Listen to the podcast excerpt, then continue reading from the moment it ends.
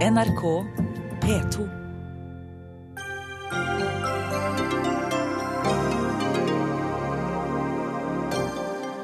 Frp bør be om unnskyldning for partiets tidligere kontakter med apartheidstyret i Sør-Afrika, mener Bård Vegar Solhjell. Drøyt av SV å komme med dette nå, sier Frp. Etter årevis med forhandlinger har WTO fått ny avtale.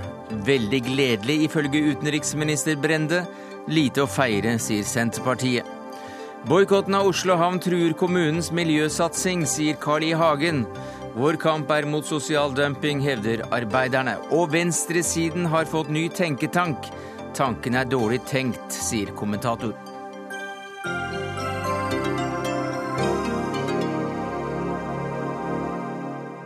Ja, Det er noen av sakene i Dagsnytt 18 denne mandagen, der vi også får høre om kåringen av den dårligste reklamen for en bistandsorganisasjon i året som gikk. Og forhåpentligvis, forhåpentligvis så får vi med oss den norske kirkelederen som nå avslutter minnestunden for Mandela, med Mandelas familie i Mandelas hjem.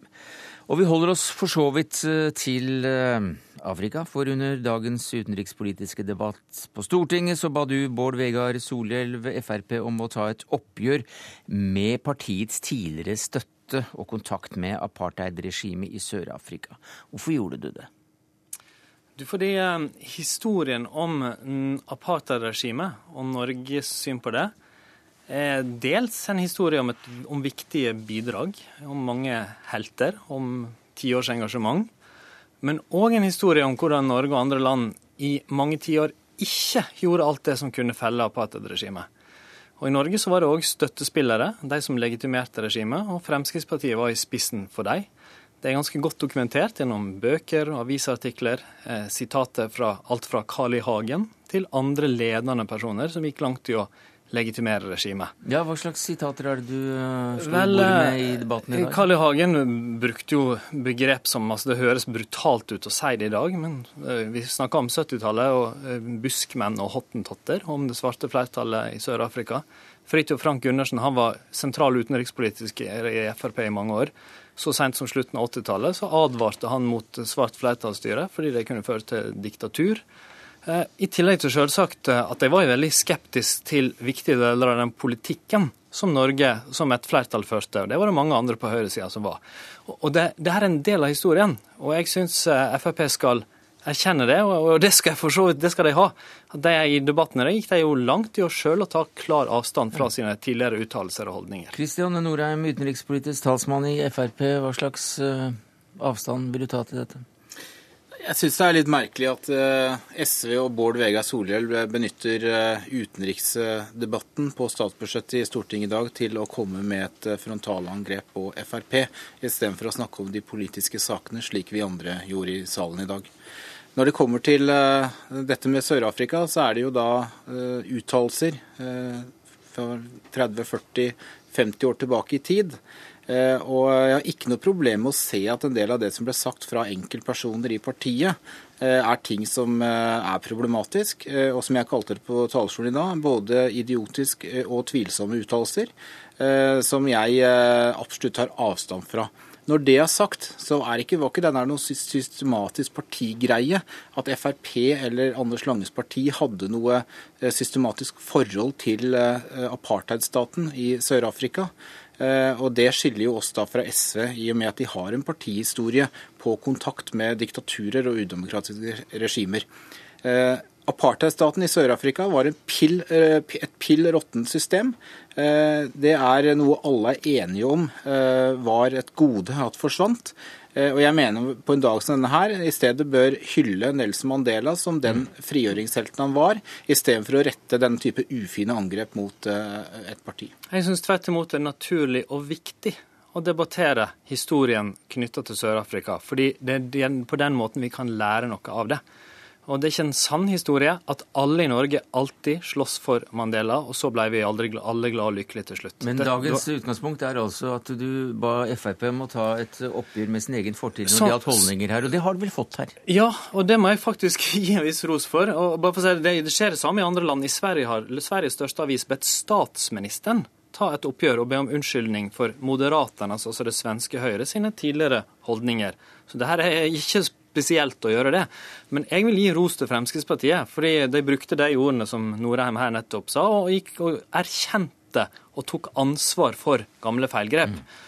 Det syns jeg er riktig, akkurat som jeg og andre i SV har tatt ansvar for og har kjent de feilene som SV har gjort i møte med, særlig på 70-tallet, i møte med de østeuropeiske diktaturene. Det er jo nettopp det å faktisk tørre å stå opp for feil vi kan lære av, og det kan òg gi et bilde av at ikke det var så enkelt og og unyansert som at alle bare støtta at apartheidregimet skulle falle, uavhengig av hvor man sto politisk. Men det er altså en vesenforskjell her. Eh, SV hadde da eh, et systematisk samarbeide. Eh, arrangerte partiturer til noen av de verste regimene vi hadde i Europa på den tiden her.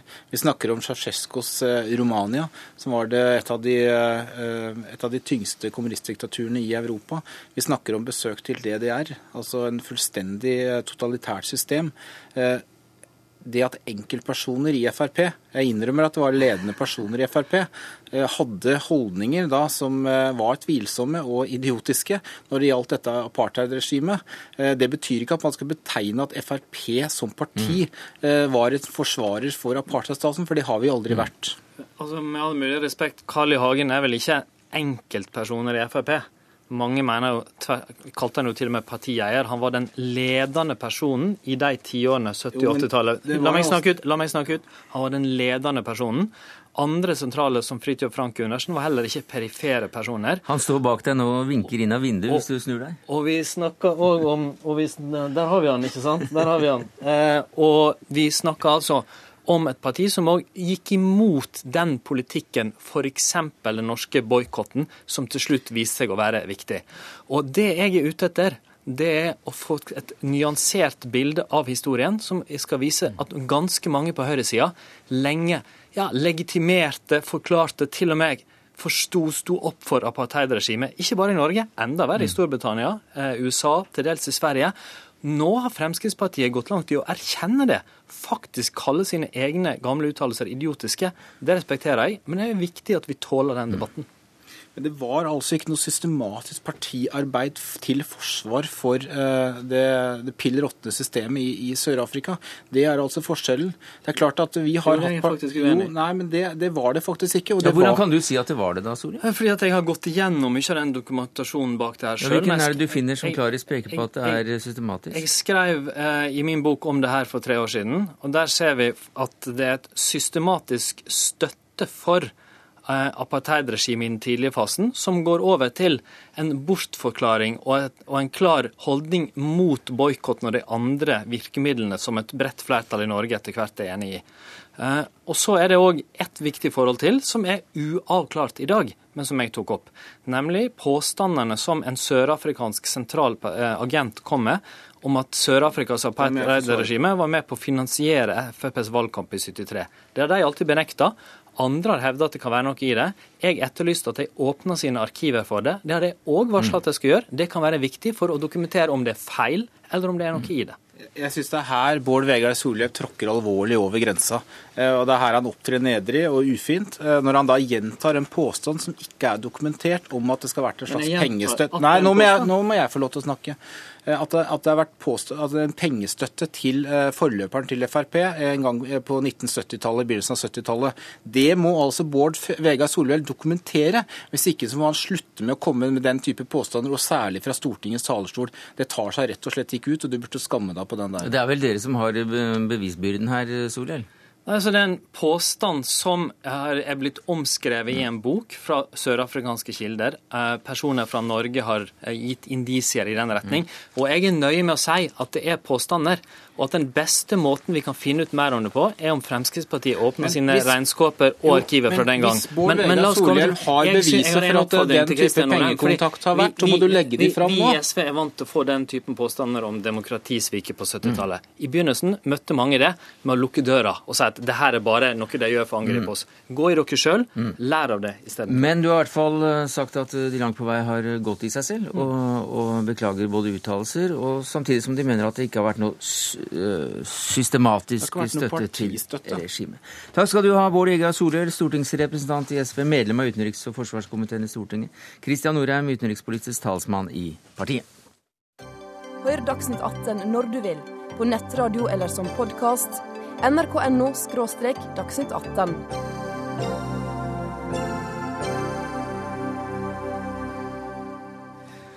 Ja, Til våren får venstresiden en ny tenketank, eller tankesmie. Agenda heter den, og styrelederen heter Geir Lippestad. Det har vi visst i noen dager. Men i dag ble styremedlemmene og fungerende daglig leder presentert. Og gratulerer med ny jobb, Tarjei Skirbekk. Tusen takk for det. Eh, du er Ap-politiker, tidligere rådgiver i UD for Støre, kommunikasjonsrådgiver av profesjon, og nå også fungerende daglig leder i Agenda. Hva skal Agenda bli under din daglige ledelse? Tror det først og fremst ikke er et enmannsforetak. Dette er noe vi skal utvikle i tett samarbeid med styre og styreleder. Og men du er nå leder, da? Ja, nei, Vi har eh, noen, nok noen prosjekter som vi skal begynne å se på, men vi må begynne i det små. og Det handler om å finne et sted å være. Det handler om å finne en organisasjon som er tilpasset eh, det vi ønsker å være. Eh, det er banale ting som å få en hjemmeside, f.eks. Det tar tid. IT-system. Så vi er jo begynt i dag. Vi har ikke vært noe før, så vi, dere må gi oss noen måneder før vi er helt oppe og flyr. Men vi har, vi har ambisjonene, men vi må ta ting stegvis. Så det første tankesmia skal gjøre, det er å finne seg en smie? Rett og slett. Rett og slett. ja. Agenda skal være operativ i månedsskiftet mars-april. Eh, og verken lokal eller eh, mye annet er på plass. Men finansieringen er grei, for dere skal eies av noen? Ja, vi har to eiere. Det er LO og det er Trond Moen som har gått inn. Trond Moen med 60% og LO med 40 og Det gir oss et eh, godt fundament for å planlegge for virksomhet over eh, tre-fire år fremover. Og det betyr at dere har penger til å ansette folk. Hvor mange sm smiere. smiere skal det være i smia? Eh, vi tenker oss en kjernestab på en uh, ca. åtte. Uh, så vil vi også ha prosjektmidler for å ta folk inn på kortere og lengre perioder. Og kanskje også knytte til oss enkelte fra det akademiske miljøet rundt omkring i Norge. Vi hører at Tarjei Skirbekk også er ganske opptatt av å finne et lokale og samarbeidspartnere og slikt. Men Geir Lippestad, du er også da styreleder, og du har fått tenkt litt på dette. her. Vi hørte deg i Søndagsavisa i går si noe om hva slags visjoner som ligger til grunn for en slik tankesmie. Kan du ikke gjenta dem?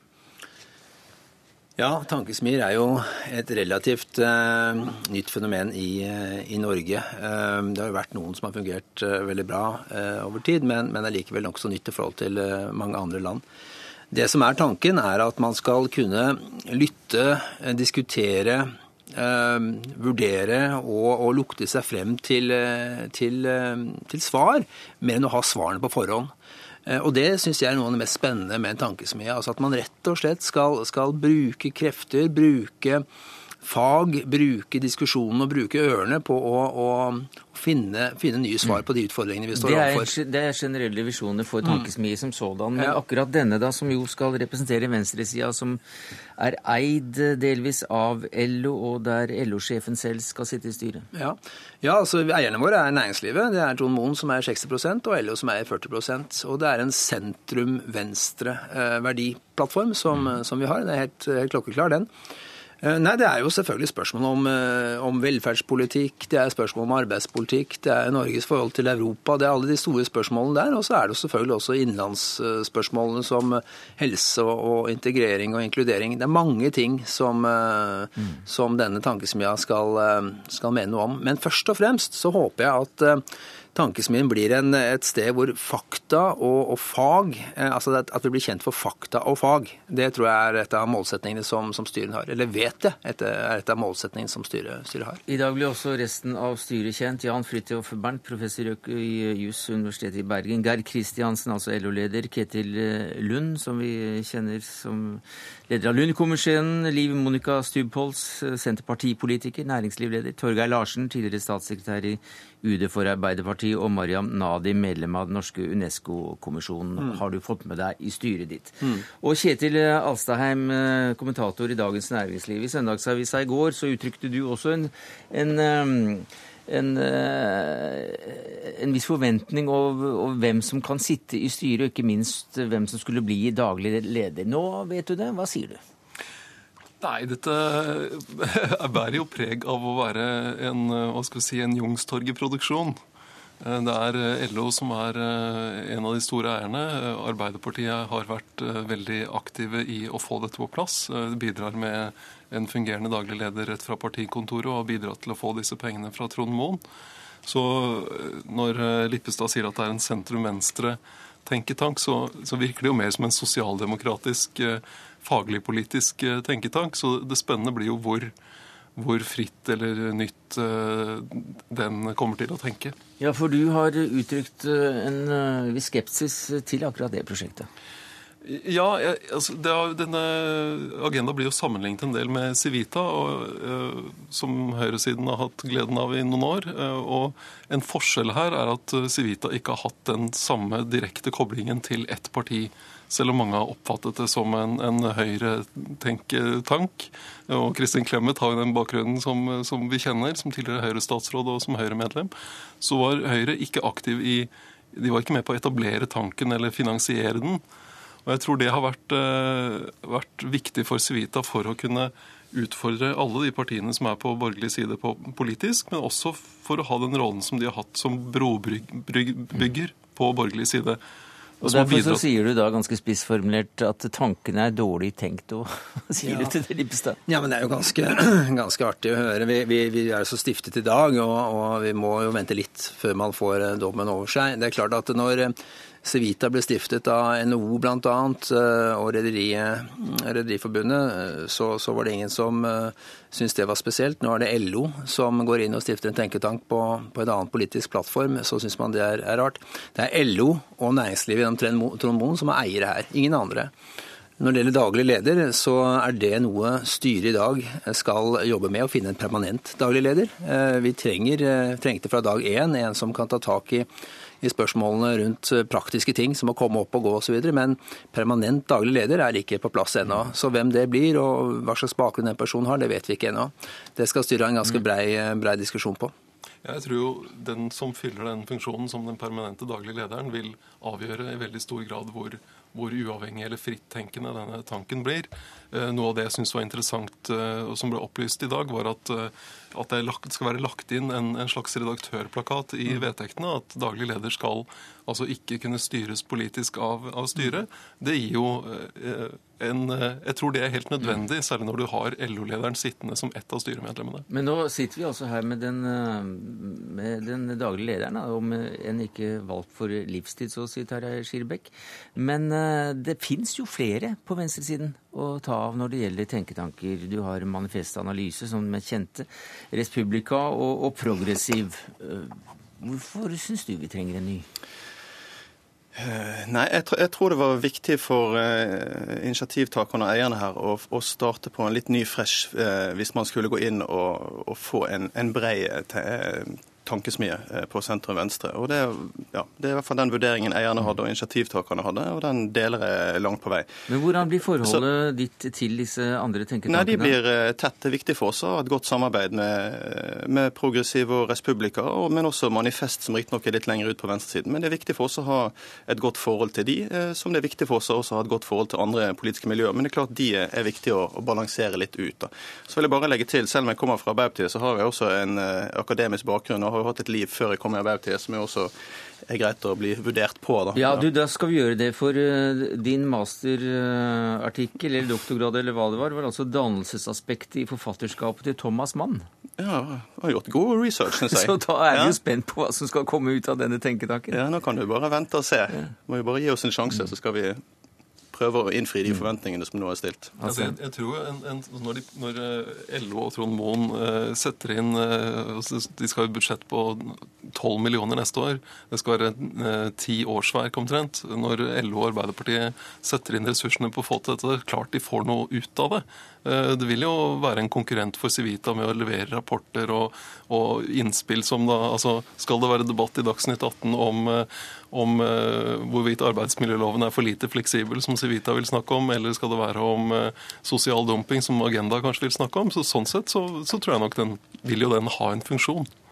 Og så tror jeg det er viktigere også, hva, hva, er det vi skal være? Det er ikke Man har Civita, man har andre tenketanker. Det er mulig å tenke andre eh, rigger, organiseringer av en eh, tenketank. Ja, for det, det Alstadheim, Unnskyld at jeg avbryter, ja. for det Alsheim nevner her, det er jo omtrent jobben for, for en kommunikasjonsrådgiver i et uh, parti? Ja, altså jeg tror skal, skal, en tenketanke tenketank overleve, så er du nødt til å ha inn en høy prosent kommunikasjon inn. For du kan skrive mye interessant, men hvis ikke det blir lest eller blir oppfattet ute, så, så når det heller ikke ut. Så det er veldig en krevende balanse.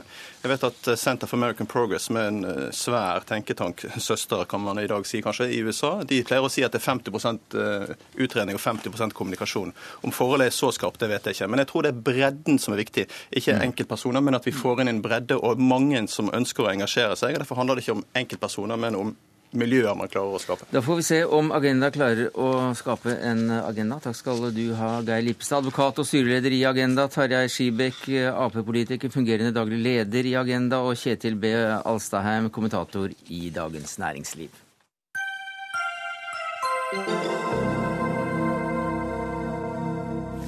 For vi skal til Sør-Afrika, holde oss i Nelson Mandelas land. Klokken 17 norsk tid var hans nærmeste familie samlet for å delta i en privat minnestund i hans hjem utenfor Johannesburg, et møte som ble avsluttet nå for få minutter siden. Og Olav Fykse Tveit, som generalsekretær i Kirkens verdensråd, så var det du som ledet dette bønnemøtet. Hvordan var det? Det var jo veldig spesielt eh, å få være med inn i familiens nærmeste krets og, og, venner. Og være med og dele både sorgen og, og gleden og takknemligheten over alt uh, president Mandela har betydd. Jeg eh, talte på vegne av Kirkenes verdensråd og de mange kirkene rundt omkring i verden som da ber for de og prøver å støtte de og si takk for alt som har betydd av inspirasjon for eh, så mange rundt omkring i verden. Hvordan, hvordan var denne minnestunden organisert? Vi har eh, hver eh, dag klokka seks her eh, et sånt bønnesamvær der en, kirkeleder ber og, og sier noen ord, og, og, så synger man sammen. Det foregår veldig enkelt i et telt utenfor huset hans. og Der var da kona prins Marshall og familien der og en del andre, ca. 100 mennesker. Og så var det vist på video utenfor. Hvordan har hans eh, nærmeste det? De var veldig jeg veldig rolige, men de virka jo trøtte. og Jeg forsto jo, jeg snakket litt med henne etterpå at dette er jo også veldig krevende. Når så mye oppmerksomhet og så mye som skal skje hele tida. Men eh, de var veldig glad for støtten og veldig glad for uh, personlige og medmenneskelige fellesskap. Og også da den åndelige støtta at folk deler for dem. Kirkens verdensråd har jo da stått eh, Mandela nært i mange år etter det som først var en internasjonal og ganske omdiskutert kampanje som ble kalt Combat Racism, som startet på 1970-tallet. Hva slags forhold vil du med få ord si at dette var? Altså Det var uh, ut av 60-tallet og borgerrettskampen i USA uh, klart for Kirkens verdensråd at, at de måtte ta opp kampen mot rasisme. Og etter hvert ble det også da særlig fokus på det som skjedde her i Sør-Afrika. Uh, allerede i 1971 så vedtok man at, man skulle støtte bl.a. ANTs humanitære arbeid under mye diskusjon og kritikk. Men uh, det jeg har forstått, er jo både fra det Mandela har sagt, men også fra det som blir sagt nå, at det at Kirkens Verdensråd hadde en klar posisjon, og også senere erklærte apartheid som synd, betydde utrolig mye både for kirken her, men også for hele mm. opposisjonen. Og Derfor var du der i dag og talte til familien og de som var eh, møtt fram i, eh, i teltet utenfor Mandelas hus. Eh, takk skal du ha, leder for og generalsekretær i Kirkenes verdensråd, Olav Fykse Tveit.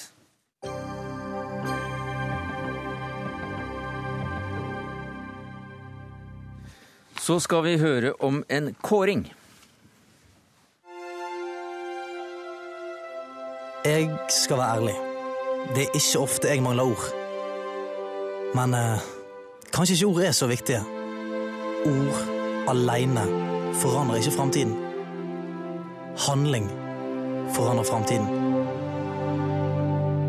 Hvis du blir planfadder i dag, gir du barn som Juliette en bedre framtid. Ja, her hørte vi Plan eh, Norges reklamefilm, hvor programleder Stian Blipp sitter i en jordhytte med et sovende afrikansk barn liggende på fanget. Hva ellers syns du at du så i denne reklamen, Anja Bakken Riise? Du er leder for Studentenes og Akademikernes internasjonale hjelpefond, eller SAI. Mm. Takk. Jo, altså først og fremst eh, det som jeg mener at vi ser i denne formen for kommunikasjon, det er et litt skadelig uh, bilde. Um, jeg mener at det er litt urettferdig overfor dem det gjelder, dem som blir presentert. Uh, det er en forenkla framstilling der uh, menneskene i utviklingsland blir presentert som objekter, mens og det setter et slags kunstig skille mellom oss og dem, der vi er en form for aktive helter og redningsmenn, og dem er passive ofre. Mm. Det tror jeg er veldig skadelig. Ellen Høvik, du er konstituert kommunikasjonssjef i Plan Norge. Hva er det du ser i denne videoreklamen? Jeg ser eh, Stian Blipp, da Norges mest populære programleder, som er eh, engasjert og som bryr seg om dette barnet og viser omsorg. Vi eh, er veldig takknemlige for at han ble med oss på reise for å vise hvordan tenåringer blir giftet bort i Zambia. Det var konteksten for resten av turen. Og det som nå skjer, det er at denne videosnutten den er blitt, uh, om ikke heder til ære, så i hvert fall tatt med i en kåring. Og hva slags kåring er det organisasjonen din uh, står for, Anja Bakken Riise, i morgen? Og hva er denne rustne hva er det der? Rustne radiator? Rusten radiator. Ja. ja, For dem som ikke kjenner konseptet, så vil jeg be dem sjekke ut uh, Radiate Africa for Norway. Det er der den radiatoren kommer, uh, kommer inn i bildet. Uh, men det vi gjør, det er en prisutdeling som ønsker å belønne de kreative og gode innsamlingskampanjene som, som, sprer kunnskap og engasjement, med en gyllen radiatorpris. Og så vil vi setter fokus på det vi mener er dårlig eh, og stereotypisk eh, kommunikasjon. Eh, og det vil vi gjøre gjennom å dele ut en pris for en, en rusten radiatorpris. Ja, og her er det da også tre nominerte, og, og vinneren kåres i morgen. I morgen. Ja. Og hvorfor mener du at denne type video faktisk er skadelig? Mm. Altså, Det vi mener er at hvis du ser langsiktig på det, så er det her et hinder for utvikling. Den fordekker den er med på å fordekke årsakene bak fattigdom.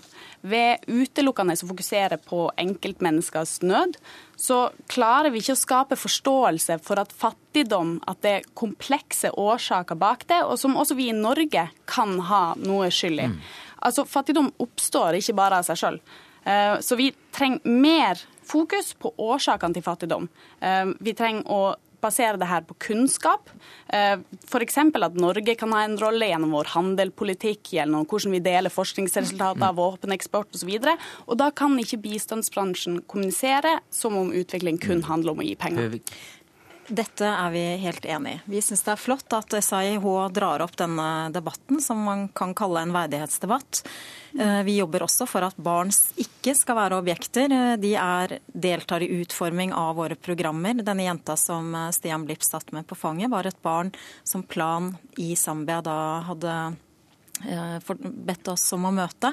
Sånn at eh, det å ha de lokale med seg i utforming av programmer, eh, i forhold mm. til hvilke typer og hvordan vi skal jobbe, det er veldig viktig for oss. Men dere sier, du, Nå er du helt enig i det, selvfølgelig. Men hva sier du til den kritikken som da kommer mot denne type video, som tar utgangspunkt i enkeltmennesker?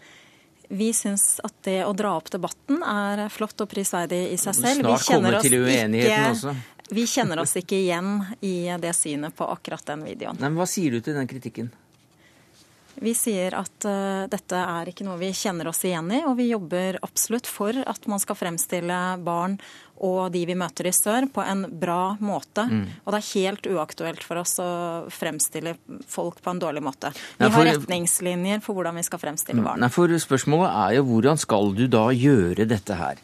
Altså, Barn lider, barn sulter, barn sulter i hjel. Mm. Skal du ikke da vise lidelsen for at vi skal få også litt dårlig samvittighet og medynk og, og gi penger? Mm. Ja, altså Det er et veldig godt poeng. og det, det, er ikke å kimse av at det er vanskelig å få fram. og Vi er også veldig glad for at planen har lyst til å diskutere det her. Eh, men hvis man kommer med en sånn elendighetsbeskrivelse eh, som, som egentlig forklarer en del situasjoner på en ganske feil måte, så kommer det til å være veldig vanskelig til å utforme den politikken vi trenger for å skape de gode løsningene. Eh, så det er det som er en del av hovedpoenget vårt her. At i det langsiktige, hvis du skal se langsiktig på det, og i det lange løp, så er det her en form for kommunikasjon som er veldig skadelig. Ja, hvorfor det? Jo, det var det jeg nettopp eh, trakk opp her. Ja. Eh, hvis, vi, hvis, vi, skal samarbeide om å løse de, verden, eh, de, problemene som verdens eh, land står overfor, så må vi gjøre det basert på, ut, på respekt, på likeverd. Eh, det er vi det enig i. Mm, ja. Men, eh, men, hva er det som er likeverd? Altså, det, er, det, er, mennesker som sulter, eller noen kan hjelpe, og det er bl.a. et rikt land som Norge. Det er, ikke, det er ikke helt likeverdige partnere, det? Eh, det har du helt rett i, men det er ulike måter å gjøre det her på. Og vi mener at hvis vi skal skape forståelse for hvordan det er i forskjellige land, eh, så, så er denne form for framstilling det, det, er feil form for framstilling. Det som vi syns er viktig, er at eh, denne snutten som vi hørte i starten her, er en reklamefilm på 22 sekunder. Den er en del av en helhetlig opplysningskampanje og var eh, i forbindelse med Idoler tilbake, som vi arrangerte. Sånn at vi har det som én kanal hvor vi viste en reklamefilm. Ellers så jobber vi med informasjon og mm. opplysningsarbeid. Men akkurat den her, det er den vi snakker om nå, ikke alt annet plan Norge gjør, som sikkert er aldeles utmerket. Jeg er ja, det er helt sikkert veldig viktig. Det er helt sikkert veldig viktig, men det har vi ikke tid til. Sånn at vi må ta utgangspunkt i akkurat denne videoen her. Og ser du at den kanskje virker litt unødvendig sentimental og spiller på følelser istedenfor eh, kunnskap? Jeg ser en engasjert eh, mann som har et eh, sovende barn på fanget. Og han har vært nede og møtt en historie som han har lyst til å formidle. Og det er hans egne ord som brukes der. I morgen får vi vite hvem som har laget den dårligste reklamen for eh, bistand i, ifølge da studentenes og akademikernes internasjonale hjelpefond SAIH. Og jammen får vi også da vite hvem som har laget den beste. Så det blir spennende. Takk skal du ha, Anja Bakken Riise, ansvarlig for det hele, og Ellen Høvik, kommunikasjonssjef i Plan Norge.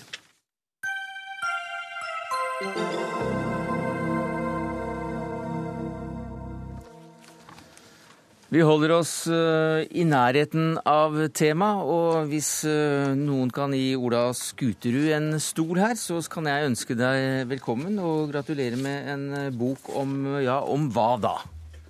Vel, som tittelen sier, 'Kors, krystall og halvmåne'. Ja. Det er da om Røde Kors-bevegelsen, hvor jeg har jobbet i 18 sammenhengende år i utlandet. Og eh, dette omhandler da hovedsakelig Somalia mm. og Palestina-Israel. Ja, for du er bankmannen som brøt med den eh, trygge borgerlige tilværelsen for å jobbe i verdens farligste land, eh, Somalia, i sju år, der du også ble kidnappet, som vi har lest og vet en god del om. Du har jobbet i Eritrea, Gaza, Afghanistan, for å nevne noen. Så da er jo da spørsmålet Hvorfor i all verden gjorde du det? Du tjente jo så bra der du var valuta, valutasjef for valutaavdelingen i SR Bank. Vel, jeg fikk en utfordring eh, faktisk av min egen kone. Hun var ute for Røde Kors og rapporterte tilbake igjen mens hun var i Pakistan at dette var et utrolig interessant arbeid. Og eh, da følte jeg også la meg prøve det. Røde Kors har ligget i mine tanker i alle år. Og eh, jeg fikk utfordringen av henne og reiste da ut. Eh, humanitet føler jeg er så viktig i vårt samfunn at eh, det var nok til at jeg tok beslutningen at jeg ville. Jeg prøvde og fant det så interessant, og forble faktisk syv år i Somalia hvor jeg opplevde også en kidnapping. Mm. Og det jeg da beskriver i boken, det er en god del om kidnappingen. Både det som skjedde innen gruppen vår, og det som skjer omkring. Mm. Vi hører jo så ofte om kidnappinger utenfra, men vi hører aldri, svært sjelden om det som skjer innenfor. Nei, La oss holde oss litt ved den kidnappingen som uh, du også da har snakket og beskrevet uh, også før, men ikke så gjennomført som i denne boka. Blant annet så beskriver du det dramatiske øyeblikket da ulike fraksjoner blant kidnapperne begynner å krangle. Det blir skuddveksling. Eh, en av kidnapperne sier noe høyt som eh, noen du stoler på, hører, og får til å oversette samtalen. Hva er det som sies? Vel, en av oss som var kidnappet, var somalier selv. Og han kunne høre akkurat hva som ble sagt. Han oversatte og forteller da at nå planlegger de å ta livet av noen av oss. Og eh, dette her økte bare etter hvert som dagene gikk. Nettene var jo enda mer intense. Og eh, mer og mer snakk. Og dette her, denne konflikten imellom de forskjellige gruppene innen kidnapperne, det er jo i utgangspunktet kan være i vår eh, favør, men det kan også være av det farlige at det blir en, en kamp der. Og det var skudd, vekslinger, mens vi var inne mellom disse fraksjonene. Eh, denne trusselen hele tiden om å eh, likvidere noen av oss, den hang der hele tiden. Så hva sa han? Hva, hva, hva, ble oversettelsen? Vel, Han sa det at nå vil vi inn. Vi vil inn og ta våre. Jeg vil ha to av de og drepe de. Så kan du gjøre hva du vil med de andre. Mm. Vi er sammen, og vi har også vår, vårt ansvar i dette. Så dette, dette, hang over oss hele tiden. og det er klart, Sånt noe det påvirker det, oss som sitter der. Og det er noe av det jeg også beskriver i boken, hvordan faktisk vi etter hvert går på tvers av våre prinsipper. Prinsipper? Prinsipp f.eks. det å aldri utbetale løsepenger. Vi var helt klare i utgangspunktet, ikke tale om. Dere vil aldri få noe. Helt på slutten så la vi all mulig press på våre foresatte utenfor. At vi kommer aldri ut herfra uten at dere betaler de pengene. Det er sannheten som kommer frem nå. Ja. Du har også mange gode anekdoter. Altså, det er Fotballkamper i Somalia det er ikke for eh, Det er kanskje for amatører, men ikke, ikke det, er, det, er, ikke noen um, pikeskole. For du skriver uh, om konflikter og, og, at det vinnende laget fikk en pokal. Hva skjedde da? Ja, det vinnende laget fikk en pokal. Og det tapende laget fikk fotballen. Ja. Og fotballen var mer verdt enn pokalen. Og dermed så begynner de å slåss. Og jeg hadde alltid med meg en fotball i ryggsekken når jeg var ute. Så det gjør jeg. Dunker i sidemannen og ber han spring frem og gi den fotballen til det vinnende laget. Og fotballen løste problemene, og de var gode venner igjen. Du, Som tidligere Afrikakorrespondent skriver på omslaget, så kunne du ha skrevet denne boka som en machobok om ditt liv. Eh, men det har du da altså ikke gjort. Og de som fremdeles tror at dette er en bok eh, med høy bicepsfaktor, de kommer ned på jorda idet du forteller om en flytur fra Nairobi. For hva, hva slapper du av med på flyturen? Vel, jeg slapper av med å brodere. Nettopp. Ja, Og det har jeg følt var en veldig fin måte å kunne slappe av fra. Koble helt ut den konflikten du lever i hele tiden utfordringene som ligger der til ethvert sekund.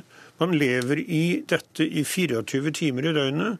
Og det å kunne da sitte med sine egne tanker og telle, rett og slett, enkelt og greit Sting. Sting for sting. Det er avslappende. Hardanger Hardanger. Jeg hadde med meg, Da jeg ble kidnappet, så hadde jeg med meg en to meter lang hardangersømduk. Som jeg dessverre ikke fikk fullført. Men så var det også at du fikk anledning til å velge et litt roligere sted, du og kona.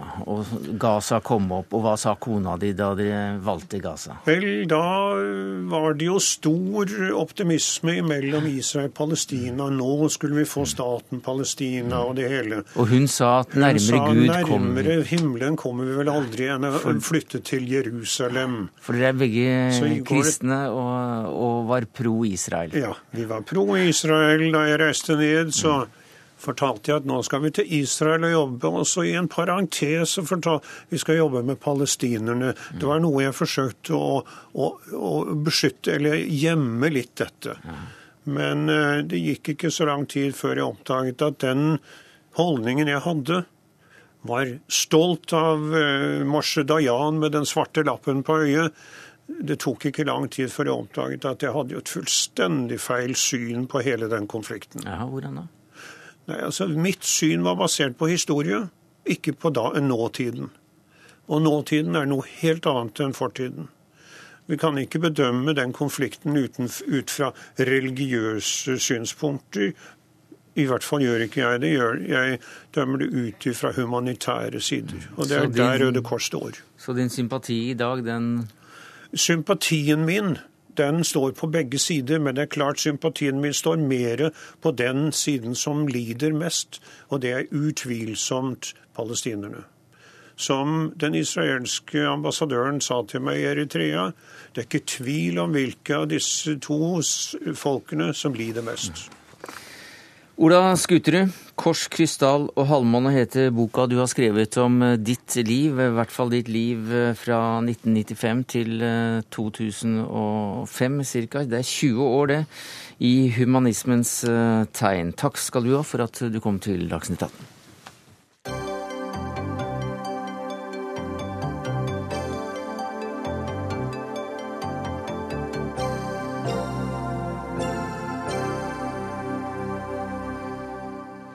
Transportarbeiderforbundet har stor innflytelse på hvem som laster og losser varer i norske havner, etter en avtale som går en del år tilbake, men som NHO gjerne vil ha en forandring på, og slik blir det litt bråk av. Carl I. Hagen, du sier til NRK at lossearbeidere må ganske enkelt akseptere at de ikke lever i begynnelsen av det forrige århundre, og at slik de nå oppfører seg, så truer de en miljøsatsing i Oslo. Hvordan kan du si det?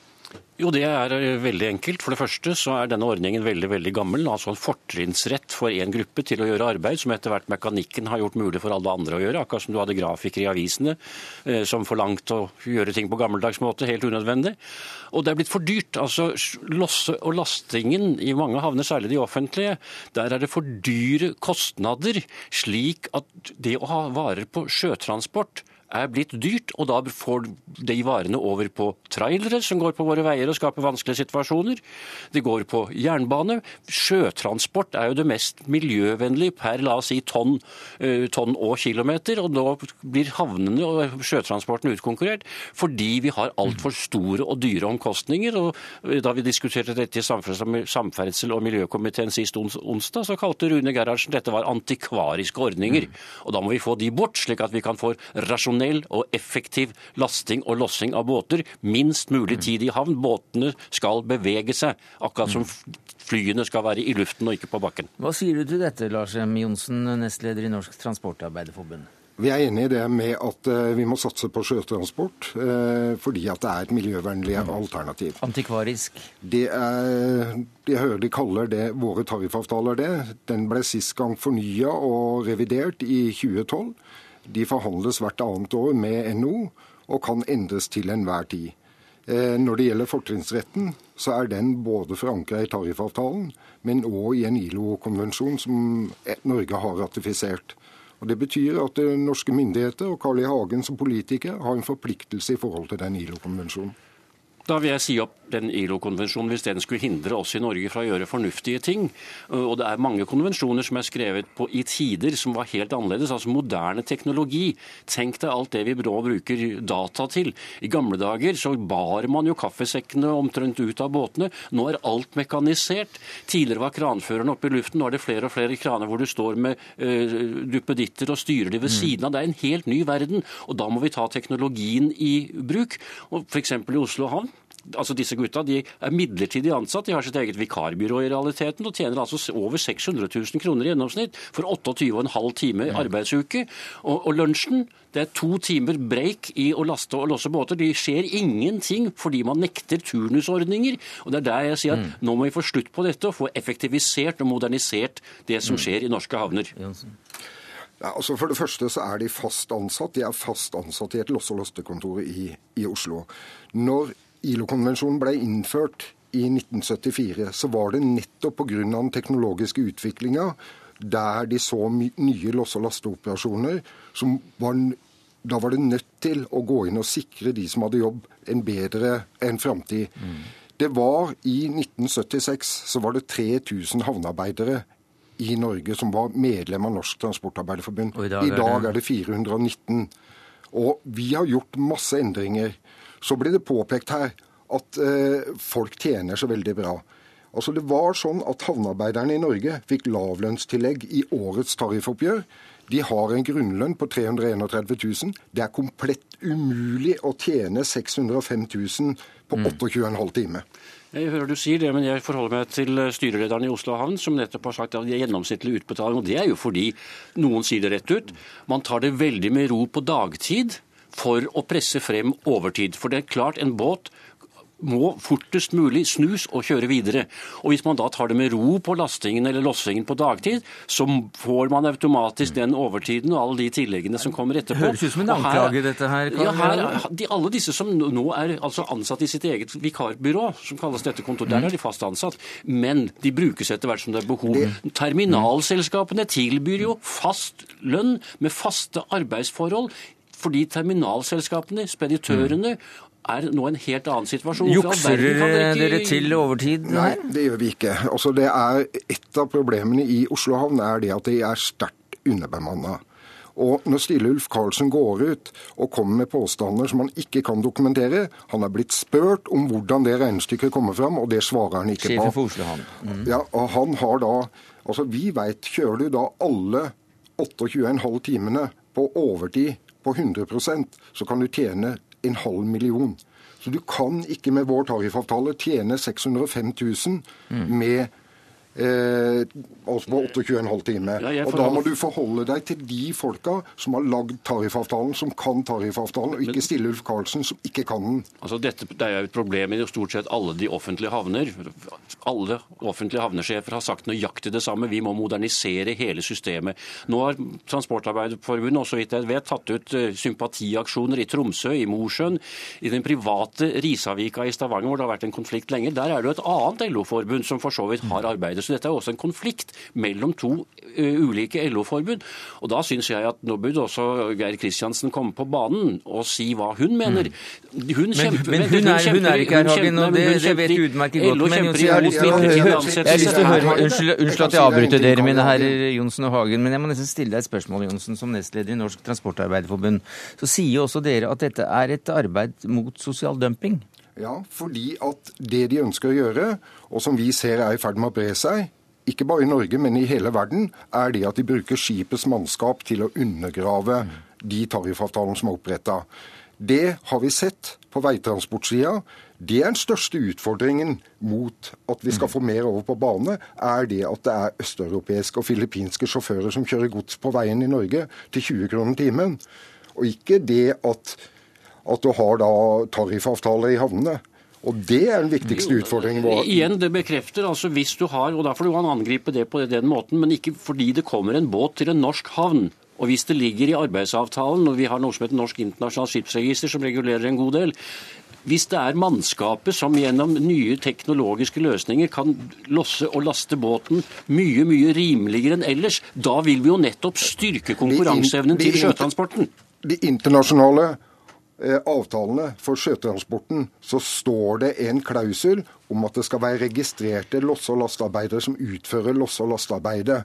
Det står i alle ITF-avtaler, og derfor så er det et brudd på en, på en tariffavtale hvis du bruker loss- og lasta- eller sjøfolka til loss- og lastearbeid. Derfor så har vi støtte for alle sjømannsorganisasjonene i Norge.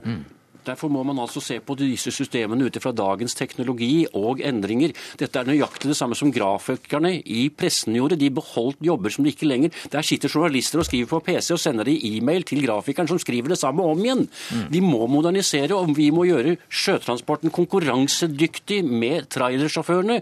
Det er den eneste måten. Da må vi få ned kostnadene mest mulig og snu båtene raskest mulig. Carl Hagen, takk skal du ha, nestleder i Nei, det har ikke noe med sosial dumping å gjøre i Jo, det hele vi ønsker å undergrave den norske tariffavtaler i norske bedrifter.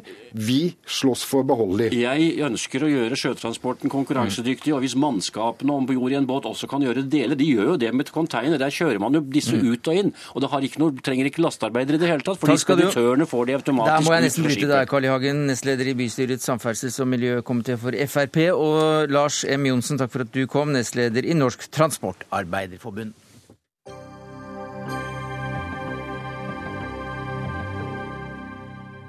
For vi får utenriksministeren på besøk, og vi skal straks snakke om WTO-forhandlingene. Men først, Børge Brende, nå i kveld så skal politiet i Ukraina ha stormet partikontoret til opposisjonspolitikeren Julia Timosjenko. Og du var i eh, Ukraina for kort tid siden. Hvordan ser du på denne situasjonen nå? Det er en veldig vanskelig situasjon i Ukraina akkurat nå. En million mennesker demonstrerte jo og marsjerte i gatene i går. De reagerer jo da på den voldsbruken eh, som de har sett. Vold mot eh, studenter, journalister. Og så er det det også at de føler at de ikke har blitt tatt med eh, på råd i hele tatt når det gjelder det viktigste veivalget for Ukraina eh, siden murens fall. Hvor skal Ukraina gå fremover? En assosieringsavtale med EU, eller skal man velge en eh, tollunion med Russland. Men hvordan ser du på disse meldingene hvis de da viser seg å være riktig, at politiet nå går til motaksjon og hiver demonstranter ut av bygninger de har okkupert? Det er jo slik at eh, det ikke bekrefta disse meldingene om at de har storma partihovedkvarteret til den fengsla opposisjonspolitikeren Timosjenko. Men det jeg kan si generelt, er at bruk av vold og bruk av politi nå fra president eh, side, det må ikke skje. Det tror jeg kan være det som virkelig setter fyr eh, på hele situasjonen eh, i Ukraina. Nå må man sette seg ned, og det Janukovitsj må gjøre, er å da si at han stiller til ansvar de som da hadde ansvaret for bruk av vold mot studenter og journalister for halvannen uke siden. Og han må også da si at dette om Ukrainas fremtid, om man da skal si ja til en assosieringsavtale med EU eller ikke, det må folket få avgjøre. Enten i et nyvalg til parlamentet, eller kanskje i en folkeavstemning. Mm. Dette tror jeg ikke vil ende uten at folket blir tatt med på råd. Så da til temaet vi egentlig ba deg for, hit for å belyse, nemlig at Verdens handelsorganisasjon, WTO, har kommet fram til enighet blant medlemslandene om en global handelsavtale. Avtalen kom i stand i helga etter tolv år med forhandlinger. Kom ganske plutselig og litt overraskende på verdenssamfunnet. Ble møtt med jubel så vel som skepsis. Og en av dem som jublet, det var altså den norske utenriksministeren. Og hvorfor det? Det er veldig bra at man etter mange år nå med ingen fremgang når det gjelder handelsforhandlinger i en såkalt multilateral sammenheng, hvor alle eh, land er med, 160 i denne sammenheng, som lager da et eh, globalt regelverk eh, som også er bra for små og mellomstore land. Og også i utgangspunktet for fattige land. Men Hva slags avtale er dette nå? Så Det man har blitt enige om på Bali, er at man skal bygge ned de unødvendige toll restriksjoner, eller si også de restriksjoner, restriksjoner som er knytta til uh, dette med tolldeklarasjon, uh, dette med unødvendig byråkrati uh, på grensene, skjemavelde, og kan igjen bidra til at man kan lettere komme korrupsjon til, til livs. Det som da WTOs generaldirektør har slått fast, er at gjennom de forenklingene som man har blitt enige om, så kan det føre til at varer kan falle i pris med 10-15% for det er så store kostnader knytta til dette byråkratiet i dag. Og det vil kunne føre til en ekstra verdiskapning globalt på mellom 450 milliarder dollar til 1000 milliarder dollar. Og det vil også kunne skape nye arbeidsplasser. Marit Arnstad, du sitter i næringskomiteen på Stortinget eh, for Senterpartiet. og Hvordan ser dere, det, hvordan ser dere på denne avtalen? Eh, vi vil vel si det sånn at det finnes enkelte lyspunkt eh, i avtalen, men at den alt i alt ikke er så veldig mye å feire. Og du må huske at Bali-pakken er i seg sjøl ikke så veldig omfattende. Eh, det var et lyspunkt at India fortsatt får muligheten til å kjøpe matvarer fra egne bønder for å fylle opp matlager og så brødfø sine fattige. Eh, det skulle bare mangle, men det er også en midlertidig mulighet som India der har fått, og som vi da må se på hvordan det går med i videre forhandlinger. Og det er det som er litt eh, Jeg føler nok at noen av de positive reaksjonene som nå kommer, også kommer fordi du forsøker å kickstarte en prosess som har over mange år vært veldig vanskelig. Og Det er jo riktig at Bali-pakken gir grunnlag for å utarbeide et nytt arbeidsprogram og videre forhandlinger i Genéve. Men de underliggende konfliktene innenfor WTO, de ligger der fortsatt. Og det er? Og, og den viktigste av dem er, er, jo spørsmålet om du skal få lov å ta hensyn til egen befolkning sin matsikkerhet. Det var også det som lå under eh, det store stridstemaet på Bali, nemlig spørsmålet om India skulle få lov å kjøpe opp eh, mat fra bønder og fylle opp sine mm. matlager og, brød, og brødfø sine fattige. Børge Brende. Jeg tror ikke vi skal miste det store av syne her. Nå er det sånn at eh, vi i de ti siste årene ikke har hatt noe spesielt fremgang på det brede handelsregelverket. Vi har vært gjennom en finanskrise. Vi vet at det er altfor mange ungdommer som går arbeidsledige i verden. Jeg tror at det verden nå trenger, det at det tilføres noe mer økonomisk vekst. Det vil også skape arbeidsplasser. Det vil denne avtalen bidra med. Det løser selvsagt ikke alle de problemene som vi står overfor, men for mm. første gang eh, på veldig lenge, og iallfall etter finanskrisa, så har vi fått på plass et regelverk som vil forenkle handelen på en slik måte at det kan skape nye arbeidsplasser, økt økonomisk vekst. Og det er noe verden mm. trenger. Aksel Nærstad, utviklingspolitisk seniorrådgiver for Utviklingsfondet. Du kom hjem fra Bali i går. Du er brun og fin. Hvordan ser du på denne avtalen? Jeg syns ikke dette er noen stor uh, sak å, å, feire. Det mest positive er, som Brende sier, at uh, det multilaterale forhandlingssystemet går videre. Fordi at mye av det som skjer på bilateralt, er uh, enda råere og tøffere. Så også jo... Utviklingsfondet mener at det, en avtale, avtale må være på plass? Nei, men eh, Vi må se på innholdet. Og det er jo, altså Når vi snakker om den på matsikkerhet Det dør 25 000-30 000 mennesker hver eneste dag av sult og sultrelaterte årsaker. Og så skal man forhandle om noen land får lov til å ta i bruk de virkemidlene de syns de trenger for det. Og det gjelder jo bare noen få land. Og det blir brukt som et pressmiddel i forhold til å få gjennom dette med handelstilrettelegging. Hva sier du til det, Brenne? Det blir veldig teknisk, dette her. Men det er jo slik at det er ingen land som pga. WTO ikke har lov til eh, å kjøpe mat og gi det gratis til sine egne folk, eller subsidiere mat overfor sine fattige. Det er en ganske teknisk diskusjon da, på om du kan kjøpe maten til én pris, og så kan du bruke det matlageret du sitter igjen med, og da f.eks. selge til et annet land til en pris som da vil gjøre at de landene ikke er konkurransedyktige. Og Det er jo f.eks. derfor Pakistan ikke mm. var så begeistra for denne avtalen i forhold til India. Det er, det er bom. Altså, det er ikke snakk om at dette skal handelslekkasje og brukes til andre land. Eh, det er tekniske ting, som du sier, men eh, grunnprinsippet her er eh, vi mener at her må alle land, både rike og fattige, kunne selv bestemme beskyttelse og subsidier til matproduksjon for egen befolkning. Og Fattige land må i alle fall kunne ha den retten til å brødfø sin egen befolkning. Og Der settes det begrensninger. Og fordi det er så skjevheter historisk, så kunne rike land ha gjennomført dette som India hadde, uten å bli trua. Nei, altså, altså, Et øyeblikk, vi må slippe til Brende her. Det som har vært viktig for meg, det er at eh, alle de land som ønsker det, må selvsagt få lov til å subsidiere mat til sine fattige. Det er også sånn at Hvis man ønsker å gi mat til fattige i sitt eget land, så må det være anledning til det. Og Det står sort på hvitt her at det er ikke denne avtalen til hinder for. Det denne avtalen da vil gjøre, og som er positivt på handelsfasiliteringa, det er jo at en kan få ned kostnadene ved å få varer over grensa, og det er positivt. Og så er det også, som Nærstad sa, og der er vi enige, at for et lite land som Norge, eller et mellomstor økonomi, så er det selvsagt i våre interesser at vi har et multilateralt system, slik at alle landene blir omfatta av dette, så det ikke flises opp for mye. Det sukkes nede fra stortingsstudio? Nei, nei, det sukkes ikke, men jeg, men jeg syns jo at vi, vi, bestandig havner i WTO-debatter opp i teknikaliteter. Eh, jeg skal ikke si at det som eh, har skjedd når det gjelder handelstilrettelegging, at det er i seg sjøl negativt. Det kan en se positivt på. Men det er også sånn at når det gjelder de andre punktene som går på matsikkerhet, og også som går på å oppfylle forpliktelsene om å redusere eller å stanse eksportsubsidier, så kommer du ikke videre. Og dels kommer du ikke videre fordi at du eh, på en del av det beregner priser og vedtak tilbake til 80-tallet.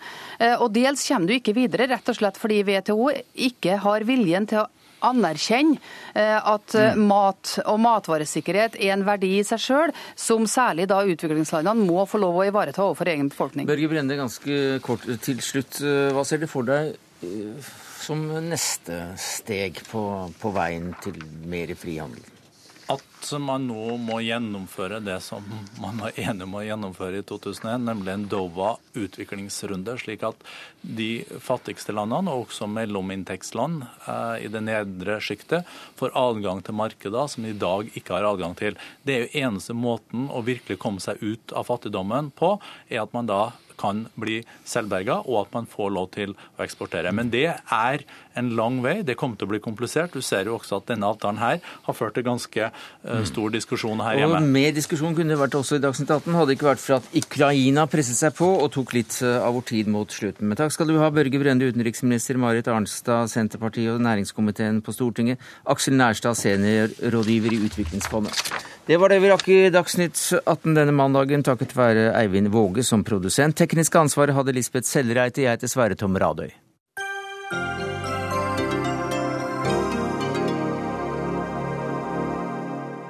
Hør flere podkaster på nrk.no podkast.